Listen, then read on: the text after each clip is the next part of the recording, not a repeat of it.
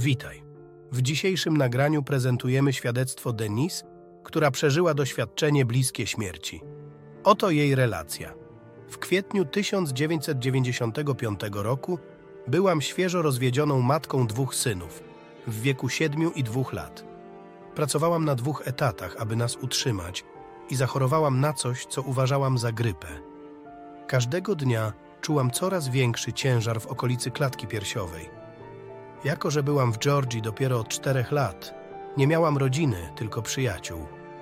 Sąsiedzi często odwiedzali mnie, oferując pomoc w kryzysie. Gdy słabłam, sąsiedzi zaoferowali się zabrać moich synów na noc i odwieźć ich następnego dnia do szkoły i przedszkola. Inny sąsiad został poproszony przez nich, aby następnego ranka sprawdzić, jak się czuje. Mając zapewnioną opiekę nad dziećmi, wtoczyłam się na dolną część piętrowego łóżka moich synów. Ból nasilający się w mojej klatce piersiowej i ramionach był nie do zniesienia. W ułamku chwili wszystko wokół mnie rozpłynęło się. Otoczyła mnie masa lśniącego, białego światła. Mój wzrok zatrzymał się na dziewczynie po mojej prawej stronie. Miała 19 czy 20 lat. Była niższa ode mnie i patrzyła na mnie. Zapytała, gdzie jesteśmy. Nie miałam pojęcia. Opowiedziała mi, że wracała z pracy do domu i nie rozumie, jak znalazła się teraz obok mnie. Podobnie wyznałam, że leżałam w piętrowym łóżku moich synów i nie pamiętam, jak się stamtąd ruszyłam. Przed nami pojawił się mężczyzna i podszedł do nas.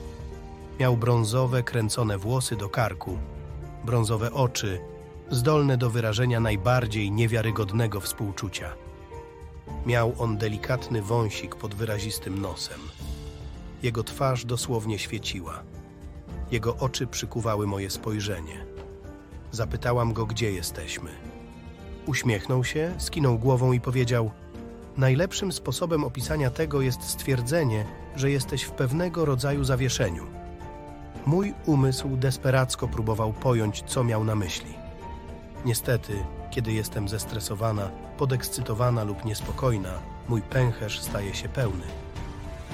Zawstydzona, ruszyłam do przodu i zapytałam, gdzie są toalety. To część, przy której zawsze staje się emocjonalna, opowiadając o moim doświadczeniu bliskim śmierci. Ten człowiek po prostu się do mnie uśmiechnął. Nie drwiąco, nie z wyższością. Uśmiechnął się do mnie z niesamowitym wyrazem bezwarunkowej miłości i współczucia, które nigdy nie będę w stanie właściwie wyjaśnić. Jego uśmiech otulił moje ciało jak koc i sprawił, że poczułam się tak spokojnie. Poprosił, żebym poszła z nim. Myślałam, że prowadzi mnie do toalet. Machał mi, mówiąc, że mam iść do przodu, a zobaczę coś, co nazwał lustrem. Gdy stanęłam przed nim, zrozumiałam, dlaczego nie potrzebuję łazienki.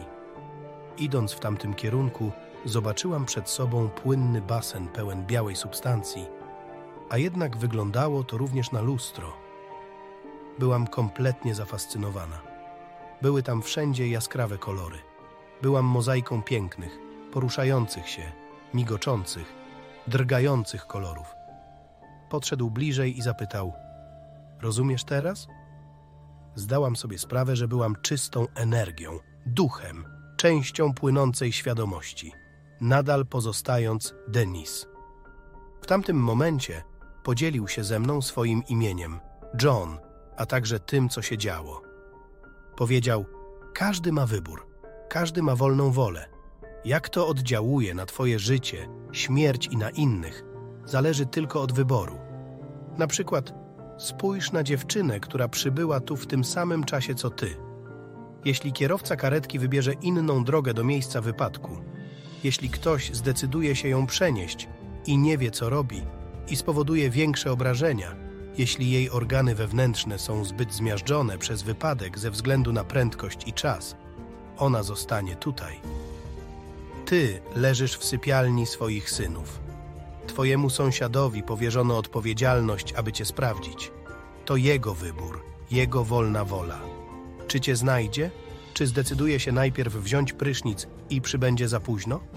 Każdy z nas zawsze jest w zależności od decyzji, nie tylko naszych własnych działań, ale także wolnej woli i działań innych. Zakończył, po czym rzekł: Muszę ci powiedzieć, że twój sąsiad wchodzi do twojego domu. Znajdzie cię. Wrócisz. Z tymi ostatnimi słowami wciąż w uszach zostałam wessana jak odkurzacz z powrotem do mojego ciała.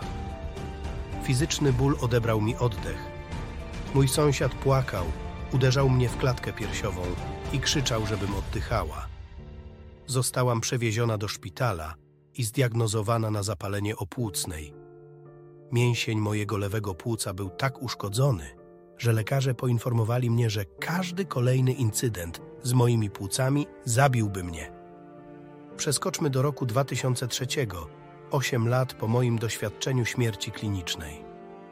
Podczas podróży z moją matką i przyjacielem do Savannah w Georgii postanowiliśmy odwiedzić katedrę katolicką.